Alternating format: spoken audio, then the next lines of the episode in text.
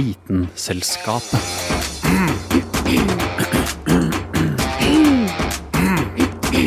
Vitenselskapet. Gamle hamburgere, rynker, blod og luftskipsulykker. Dagens utgave av Vitenselskapet blir både blodig og tørr, og vi flyr høyt før vi krasjer katastrofalt. Jeg skal imidlertid prøve å styre oss trygt gjennom sendinga, som handler om gått ut på dato.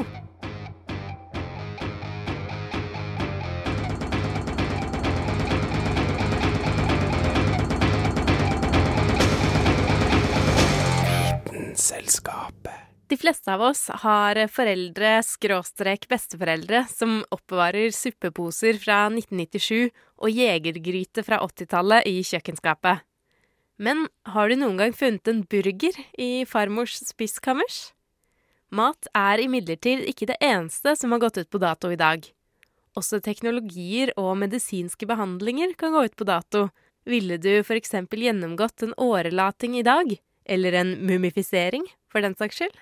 Mitt navn er Hanne Grydeland, og du hører på Vitenselskapet. Å vite vet Vitenselskapet.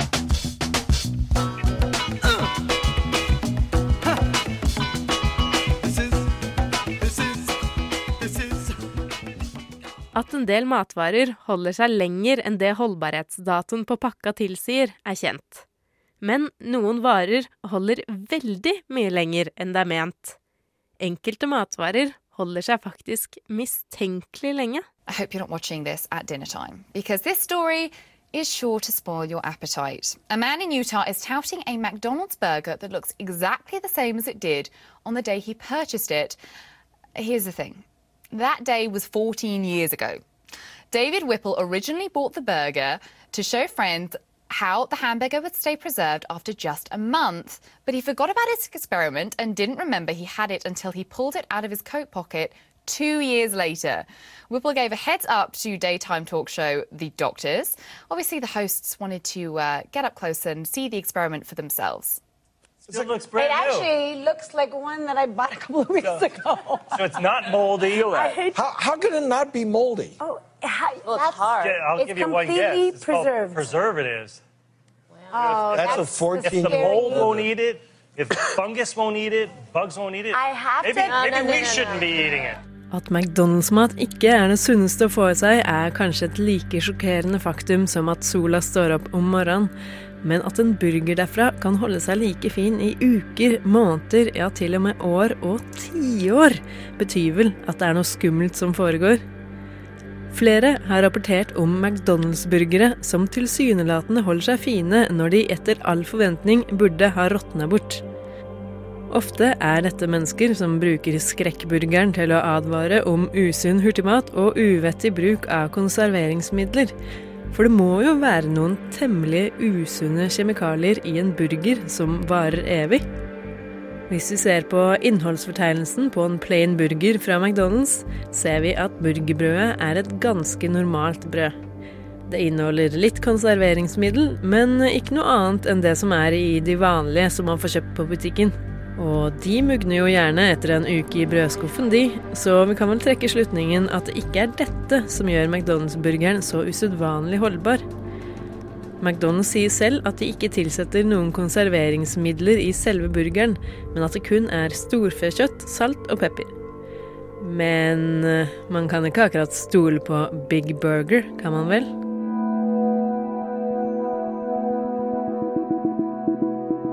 Det er det i hvert fall en god del folk som mener, og det var derfor Kenji Lopez Alt, mannen bak siden Serious Eats og spalten The Food Lab, bestemte seg for å finne ut av dette med den evig-unge burgeren en gang for alle. Han var lei av at folk spekulerte så mye og spredte skremselspropaganda om hurtigmat uten å sjekke faktaene på en vitenskapelig måte. Derfor gikk han vitenskapelig til verks og satte en rekke burgere til råtning i en måned. Den påståtte unedbrytbare plaine hamburgeren fra McDonald's, burgere han lagde selv og burgerbrød som ikke var fra McDonald's. Alle burgerne hadde de samme forholdene, og for å sjekke om det var noe i enten kjøttet eller brødet som ga burgeren så god holdbarhet, la han f.eks. kjøttet fra en McDonald's-burger inn i et annet brød, og en hjemmelagd burger inn i et Mækkernbrød. Han eh, kjøpte også noen burgere i en annen størrelse for å se om det var forskjell. Og det var det. Etter ca. en måned fant han ut at noen av burgerne hadde råtna, og noen ikke. Og enda viktigere, hva som sannsynligvis er årsaken til at dette skjer. Før vi svarer på dette, kan vi jo se litt nærmere på hva det er som gjør at en matvare mugner og råtner. For at dette skal skje, må det nemlig være muggsoppsporer eller bakterier til stede, men eh, siden dette er noe som finnes praktisk talt overalt, må vi nesten anta at matvarer flest står i fare for å bli dårlige om muggen og bakteriene får riktige forhold til å forplante seg. Mugg og gjærsopp er avhengig av luft for å vokse, så hvis man oppbevarer maten i lufttette beholdere, vil man i hvert fall kunne sinke mugningen. Det hjelper ikke alltid på bakteriene, for mange av disse er såkalt anaerobe, dvs. Si at de helt fint kan forplante seg uten luft. En annen ting som påvirker råtningsprosessen, er fuktighet. All mat inneholder vann, til og med tørre ting som tørka bønner. Både mugg og bakterier trenger vann for å utvinne energi fra maten, og det er derfor en av de viktigste konserveringsmetodene vi har, er tørking. Dette er også et viktig nøkkelpoeng for å forklare hvorfor McDonald's-burgeren varer så lenge som den gjør. Lopez Alt fant nemlig ut at det var ikke noe stor forskjell på en hjemmelaget burger med rent, selvmalt storfekjøtt og den påståtte kjemikaliefylte burgeren fra McDonald's. McDonald's-burgeren mugna ikke, men det gjorde heller ikke den hjemmelagde burgeren av den samme størrelsen. Den som mugna, var imidlertid quarter pounderen, som er større. Det tyder dermed på at det ikke er noen spesielle stoffer i burgeren som gjør den holdbar, det er størrelsen. Siden en plain burger fra Mækkern er ganske liten, klarer den sannsynligvis å tørke ut såpass fort at mugg og bakterier ikke får angrepet den først. Den konserveres med andre ord gjennom lufttørking, mens de større burgerne holder seg saftige lenger, og da også mer sårbar. At en burger fra McDonald's ikke mugner, er sånn sett en myte, for hvis den lagres f.eks. i papiret sitt, slik at den ikke tørker så lett, mugner den på lik linje med alle andre. En burger fra McDonald's varer med andre ord ikke evig fordi den er pumpa full av konserveringsmiddel. Den gjør det fordi den er så liten. Hvis du ser etter et kult partytriks, kan du også kjøpe McDonald's-burger uten noen ting på, og la den tørke ut. Hun som hadde laga denne saken, heter Kristin Grydland. Vitenselskapet. Vitenselskapet på Radio Nova.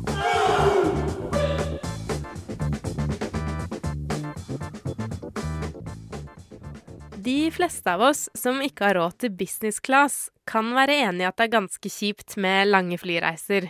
Ja, man får tilgang til mat og Politiskolen 1 til 16, men det er jo så trangt og umulig å sove. Fins det ikke noe bedre alternativ? Spisesal, lounge, lugarer og røykerom skrider fram gjennom skyene over Manhattan en maikveld i 1937. Zeppelineren LZ-129 Hindenburg er på vei mot landingsstedet i New Jersey etter tre døgns reise fra Frankfurt. Det 245 meter lange, metallglinsende luftskipet er et spektakulært syn for newyorkerne. Der det gigantiske skipet henger i lufta, ser det ut som det bryter naturens lover. Men det holdes oppe av 16 store bomullssekker, eller celler, fylt av hydrogen som er lettere enn luft. Siden hydrogen er et veldig brennbart materiale, var det opprinnelig tenkt at eh, skipet også skulle fly ved hjelp av helium, som skulle ligge som et beskyttende lag rundt indre hydrogenceller. Helium gir noe lavere løftekraft, men brenner ikke i kontakt med luft. Helium kan imidlertid i 1937 kun produseres i USA. Amerikanerne de nekter å selge helium til tyskerne. Luftskipsingeniørene blir derfor nødt til å fylle hele skipet med hydrogen. Selv om hydrogen er veldig brennbart, er imidlertid ingeniørene sikre på at skipet er helt trygt. På tur over New York i 1937 har Hindenburg vært i drift i 14 måneder og bl.a. fløyet ti turer mellom Europa og USA uten ulykker. Denne kvelden er imidlertid katastrofen nært forestående. Klokka sju på kvelden går Hindenburg inn for landing, kraftig forsinka etter bl.a. en tordenstorm på landingsstedet, prøver Hindenburg seg på en høy landing. Ved 90 meters høyde slipper mannskapet ut kabler ned til bakkemannskapet, som skal vinsje luftskipet ned til bakken. Publikum og presse har samla seg for å få med seg Hindenburgs ankomst. Og passasjerene om bord gleder seg til endelig å komme fram. Da skjer det. Noen av tilskuerne ser en flagrende stoffbit på toppen av skipet, som om gass lekker fra innsida. Og en annen tilskuer ser blå flammer omtrent samme sted. Så ser alle flammene. Hindenburg brenner! Flammene løper over duken, og på litt over 30 sekunder er hele duken brent bort, og skipet styrtet i bakken. 36 mennesker dør i den spektakulære styrten, og på bakken ligger det eneste som er igjen av det majestetiske skipet. En gigantisk, forvridd aluminiumskropp. Mange har spekulert i hva som var årsaken til at Hindenburg antente. I tida etter ulykken pekte en del av mannskapet mot sabotasje, angivelig fra motstandsfolk som ville lage en skrape i Nazi-Tysklands stolthet. Det ble imidlertid aldri funnet bevis på sabotasje, verken bomberester eller lignende på ulykkesstedet. Andre har pekt på diesellekkasjer, motorgnister og lynnedslag som mulige årsaker til ulykken. Men den teorien det virker som flest støtter seg til, er at brannen starta som en følge av en hydrogenlekkasje som ble antent av en elektromagnetisk utladning på toppen av skipet. En teori baserer seg på de blå flammene som ble observert før styrten. Noen mener disse flammene var St. Elms ild, eller St. Elmo's fire, som er et sjeldent værfenomen som oftest observeres til havs etter tordenvær. Etter slikt vær kan det dannes plasma, som er en gassaktig substans bestående av ladde partikler. Når plasmaen kommer i kontakt med en overflate, utlades partiklene, og det oppstår et blå eller lilla flammeaktig fenomen som kunne antent lekk hydrogengass hos Hindenburg. Teorien støttes av at det nettopp hadde vært tordenvær i New Jersey, men siden Tankt Elms ild er sjeldent, er det bredt antatt at gnisten oppsto som en følge av en ladningsforskjell mellom stoffduken og aluminiumskroppen til skipet. Hindenburg fløy rett før landing gjennom fuktig, elektrisk lada luft. Og siden formen på skipet ikke tillot jevn fordeling av ladningene, er det sannsynlig at det kunne bygge seg opp en elektrisk ladningsforskjell på duken som var eksponert mot omgivelsene, og selve den indre flykroppen. Duken og kroppen var bare forbundet av vaiere som leda elektrisitet dårlig. Og teorien er da at fortøyningskablene, som var direkte festa til flykroppen, fungerte som en jording da de ble kasta ned på bakken og etter noen minutter ble våte. Dette ville drastisk øke ladingsforskjellen mellom flykropp og duk ytterligere, og ført til en elektrisk utladning, en gnist som hoppa fra duken til flykroppen og tente på hydrogenlekkasjen underveis. Mer enn en gnist skulle altså ikke til for å senke det som var sett på som framtidas flyteknologi. Zeppelinerne ble etter Hindenburg-ulykken betrakta som for utrygge og de reisende valgte heller vanlige fly, som kunne tilby mye raskere transport.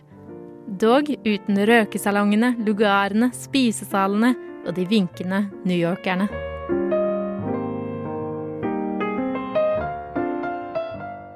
Luftskipene er kanskje ikke helt gått ut på dato allikevel.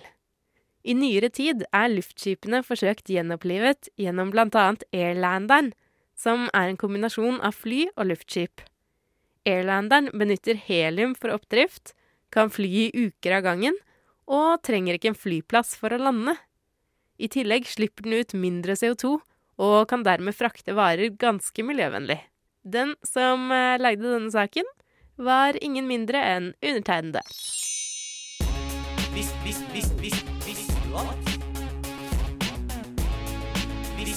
du Visste du at friksjonen som oppstår når man tråkker på et bananskall, er blitt målt?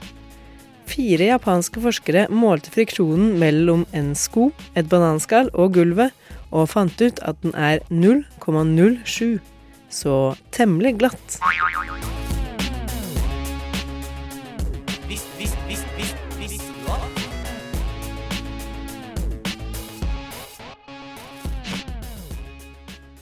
Kinesiske Sharpei-hunder, altså de rynkete brune, syns i hvert fall jeg er supersøte. Mye på grunn av rynkene, eller hudfoldene, da. Men mens hunder er født med det, er rynker noe vi mennesker gradvis får med alderen. Jo nærmere utgått-datoen vi kommer, kan man vel si. Og selv om rynker kan tyde på distinksjon og visdom, er vi kanskje ikke like søte med det som rynkehunder er? Hver gang du beveger og bruker en muskel, formes en fold i huden, som over tid danner merker eller linjer i huden. Selv om vi har rynker over hele kroppen, er rynker kanskje ekstra synlig i ansiktet, på hendene og halsen. Googler du 'hvordan fjerne rynker', får du i dag over 125 000 unike treff. Deriblant utallige artikler med stadig mer kreative løsninger på hvordan du kan unngå eller fjerne rynker. Det finnes annonser fra selskap og private klinikker som lover å glatte rynkene dine kirurgisk, eller kjendiser som lovpriser et nytt produkt som hevder å fjerne rynker etter sekunder. Kremer, nattkremer, oljer, honning, eggehvite, Botox, fillere, ansiktsløft, laserbehandling, massasje. Det finnes forslag til behandling for enhver. Googler du anti-aging, er det treffantallet oppe i nærmere 46 millioner. Men om du er en av de som bekymrer seg for den stadig mer fremtridende synnarynken, så har jeg en litt dårlig nyhet til deg. Du kan ikke stoppe dannelsen av rynker. Rynker er en helt naturlig konsekvens av det å bli eldre. Huden er kroppens største organ, og består bl.a. av kollagen og elastinfibre, som styrker og beskytter samt gjør huden mer elastisk. Etter at du har fylt 20, produserer du omtrent 1% mindre kollagen hvert år, og gradvis forsvinner fettet under huden, og som resultat av dette blir huden stadig tynnere, løsere, tørrere og mindre fleksibel. Anti-aging-industrien er big business, men rynkekrem er generelt i dag sett på som lite effektivt. Og det har ikke vært mangel på pålitelig forskning som faktisk støtter det produsentene lover. Kremene kan i beste fall redusere synligheten av de finere linjene, men teknologien til å permanent fjerne rynker er nok fortsatt et par år frem i tid. Gener har dessverre også mye å si. Hvor raskt kollagenfibrene brytes ned, er veldig individuelt. Det er imidlertid noen grep du kan ta i forsøk på å bremse rynkedannelsen. Både alkohol og røyk akselererer aldringsprosessen. Alkohol er bl.a. svært dehydrerende, og røyking reduserer blodtilførselen til huden, hvilket dehydrerer huden ytterligere, som fører til tørr, ofte nærmest grålig hud, og dermed mer rynker. Det kan også være en fordel med nok søvn. Enkelte, dog begrensede studier har kommet frem til at de som sov dårlig og slet med søvnproblemer, generelt var plaget med mer ujevn pigmentering, linjer og mer slappe trekk.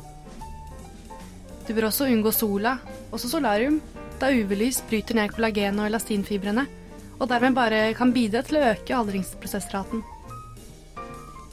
Men altså, man må jo leve litt også. Det er selvsagt ikke kjempekult å nærmest ikke kjenne seg selv igjen i speilet om morgenen når du er 80. Men jeg vil i hvert fall heller ha litt flere rynker og et par færre timer på øyet enn å angre på at jeg droppa de ferieturene til Granca, for å si det sånn. Innslaget var laget av Sunnival Sol Stannes Blix. Vis, vis, vis, vis?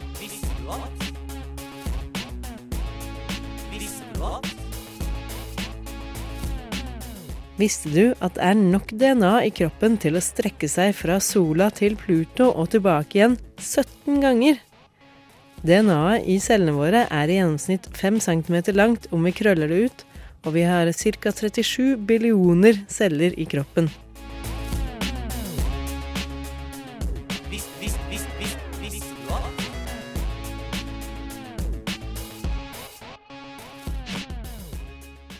At dagens samfunn er ganske utseendefokusert, kan vi vel være enige om.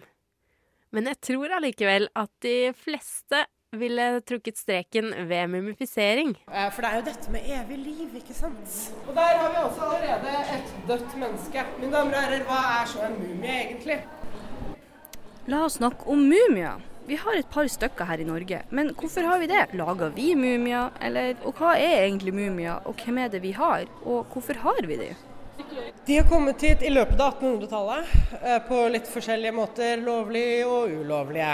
Ja, hvordan da med Er det noen som har vært og tatt seg et par mumier? Har det nok vært lokale som har gått inn og åpnet graver, og solgt da mumiene videre til rike europeere. Mari Mathisen er universitetslektor på Historisk museum i Oslo og kan mye om de mumiene vi er så heldige å ha her i Norge. Og det er det som er litt fascinerende her, er at historiske menneskelevninger kan vi vite fryktelig mye om fra et, et medisinsk perspektiv, men så er det veldig mye vi ikke kan vite. Vi, kan, vi vet bare navnet på den ene. Vi vet at hun het Ismutenibtis.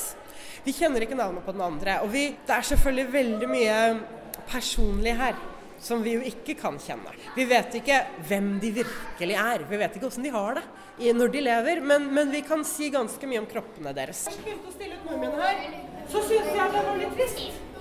Jeg synes det var litt sånn, ja, nå skal vi stå og glo på dem, og så skal de være der, og så skal vi være her. Jeg liker jo å sammenligne dem med finansfruer. Sånne folk som er ganske velkjent i sin samtid, men som Det er ingen grunn til å anta at de har utrettet store ting. Selvfølgelig kan de det, men, men det vet vi ikke. Vi vet at dette er overklassedamer. Og det er derfor de har blitt mumifisert, fordi det er veldig kostbart. Mumifisering forbereder deg på livets viktigste møte, som faktisk skjer etter døden. Det, det, er jo, det er jo ingen garanti her i verken livet eller døden, eh, men det handler jo om å få best mulig odds. Og det handler om at man prøver å man, man skal gjennom en reise, og så til slutt så står man og banker på hos kongen i dødsriket, hos Osiris. Og da er det ganske mange faktorer som må ligge til rette for at man da skal slippe inn. Men hvis man slipper inn, da lever man evig sammen med gudene. Gudene er laget av gull. Man blir selv gjort om til et magisk lysvesen. Og det, det høres ganske bra ut. Det er ingen som blir syke, kornet vokser høyere enn menneskene. Og du får med deg sånne magiske små trylletjenere som kan gjøre jobben for deg. Det høres i det hele tatt veldig, veldig greit ut. Så å bli mumie med et sånt mål høres jo helt fantastisk ut. Hvem vil ikke leve for evig? Men hvorfor driver vi ikke med mumifisering her hjemme? Ellers er det jo sånn at man har litt forskjellige begravelsespraksiser rundt omkring i verden. Og i Amerika, i USA, så, jo, så behandler man sine avdøde med noe man kaller på engelsk for embalming fluid. Og Det er en væske som man da pumper inn i den, den, avdøde kroppen for at kroppen skal se bedre ut. Ja, for da bruker de ofte å ha åpen kiste? Ja, ja. Det var en periode i Norge på jeg tror det var 60-tallet, når plastikken var litt ny, at man pakket de døde inn i plast. Okay. I Norge vender man også graver etter en viss periode, fordi at av jord er du kommet, og til jord skal du bli. Men hvis du pakker den inn i plast, så går du ikke tilbake. Så der har det vært noen ekle opplevelser. I Norge var vi tydeligvis ikke helt ekspert på det med å få folk til å holde seg slik de er når de dør. For det er faktisk ikke så enkelt å mumifisere. Vi vet fortsatt ikke hvordan de gjør det i Egypt, men mumifiserer man i dag? I, I, den grad man driver med tradisjonell mumifisering i dag, så mumifiseres det jo dyr i forskningsøyemed nettopp for å uh, finne, prøve og feile, finne ut hvordan man har gjort dette her. Mumifisering er litt ut. Teknologien har skapt en annen type. Nå handler det ikke om å få evig liv i dødsriket, men generelt evig liv ved hjelp av teknologien. Man kan la seg fryse eh, i et slags håp om at man en dag skal ta, finne opp en kur mot den sykdommen man har. Så det, man har jo bare forskjellige ideer om hva det vil si å dø. Men selve prosessen handler om at hele du, med hele kroppen din, og ikke bare sjela, skal komme til dødsriket. Da må man bevare seg sjøl godt, og kanskje kvitte seg med litt unødvendige ting, som hjerne. Egypterne tenkte nemlig at det eneste man trengte, var hjertet. Men det er litt vanskelig å fjerne hjernen uten å knuse hodet. Så kommer du deg inn, og da kan du gjøre to ting. Du kan enten bruke en helt spesielt utviklet hjernegravekobberkrok, eller du kan helle på syre og røre rundt og bare helle det ut. Det er helt ekte, helt vanlige folk, og det er derfor vi vil at dere skal komme inn til oss for å hilse på de ekte, vanlige folka. Innslaget var lagd av Ida Vassbotn. Hæla i taket med Vitenselskapet.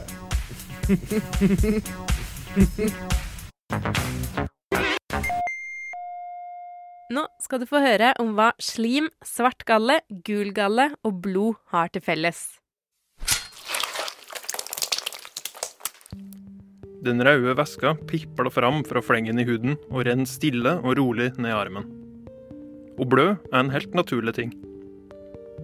Gjennom mesteparten av den medisinske historien har blødning derimot blitt framprovosert jevnlig. Hva i all verden kan være rasjonalet bak dette? De gamle grekerne hadde litt ymse ideer om hvordan verden funka.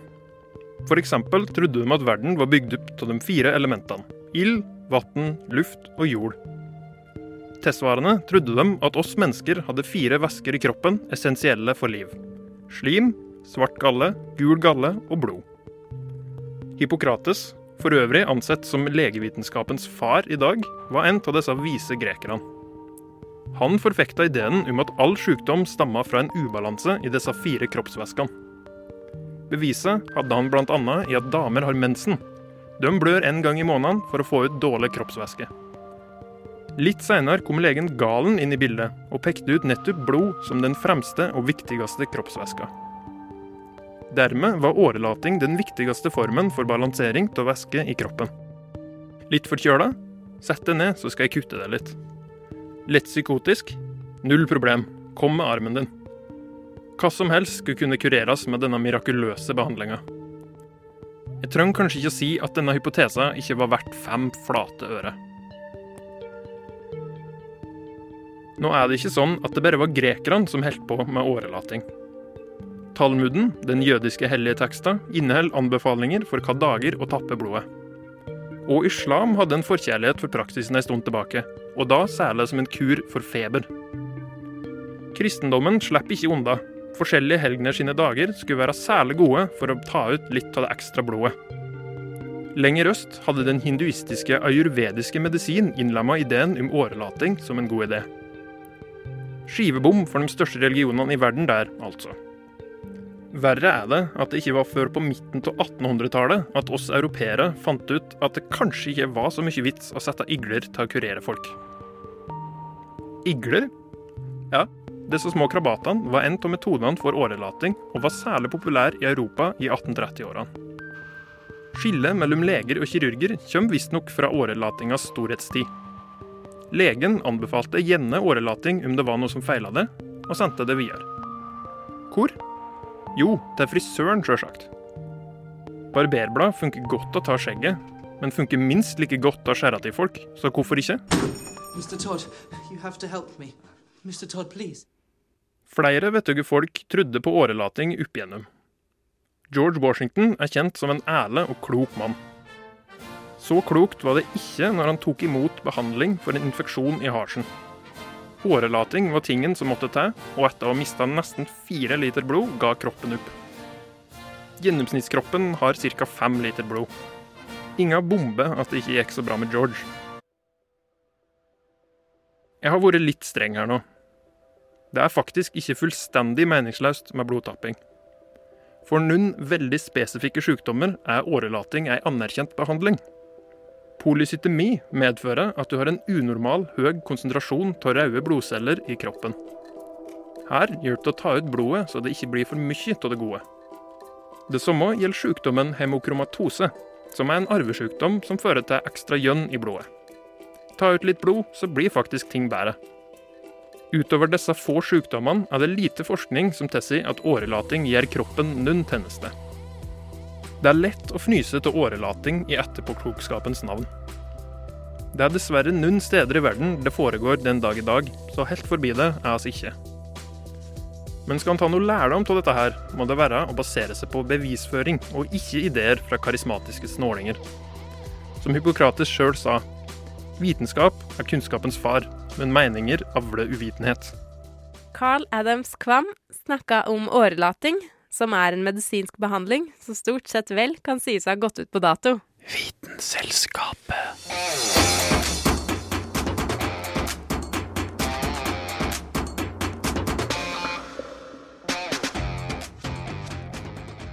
Takk for at du hørte på dagens eh, sending av Vitenselskapet. Og om du synes at sendinga var for kort, fortvil ikke.